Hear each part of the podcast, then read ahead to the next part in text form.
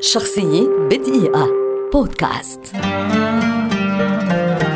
جيمس كاميرون مخرج كاتب سيناريو ومنتج سينمائي كندي شهير ولد عام 1954 ويعد واحدا من أشهر صناع الأفلام الذين لا يزالون على قيد الحياة وهو متخصص في تحقيق الإيرادات العملاقة إذ تحصد أفلامه غالبا عوائد مالية خيالية. جاءت بداية كاميرون الحقيقية في السينما عام 1984 عندما كتب وأخرج أشهر أفلام أرنولد شوارزنيجر The Terminator محققا نجاحا نقديا وتجاريا استثنائيا ليقدم بعدها مجموعة كبيرة من الأفلام منها Aliens الذي يعتبر حتى اليوم من أفضل أفلام الخيال العلمي على الإطلاق. تايتانيك الذي حقق أعلى إيرادات في تاريخ السينما وقتها والذي حصد عددا هائلا من الجوائز منها الأوسكار الأول لكاميرون كأفضل مخرج ويعد اليوم من أشهر الأفلام في تاريخ السينما كما أكمل كاميرون سلسلة Terminator لتصل إلى ثلاثة أجزاء. عام 2009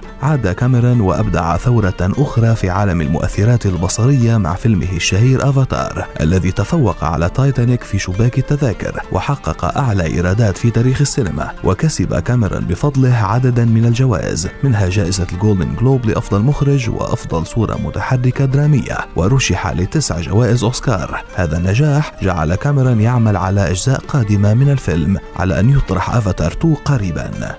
تتميز أفلام كاميرون بالتقنية العالية في التصوير فهو من أوائل المخرجين الذين استخدموا الحاسوب في التصوير السينمائي في هوليوود. وتتميز أفلامه أيضا بوجود الصراع بين الإنسان ومشاعره الإنسانية من ناحية والآلة من ناحية أخرى. في حوزته عدد كبير من الجوائز حتى الآن منها ثلاث جوائز أوسكار وهو دون شك من الأساطير الحية في صناعة الأفلام. شخصية بدقيقة. بودكاست.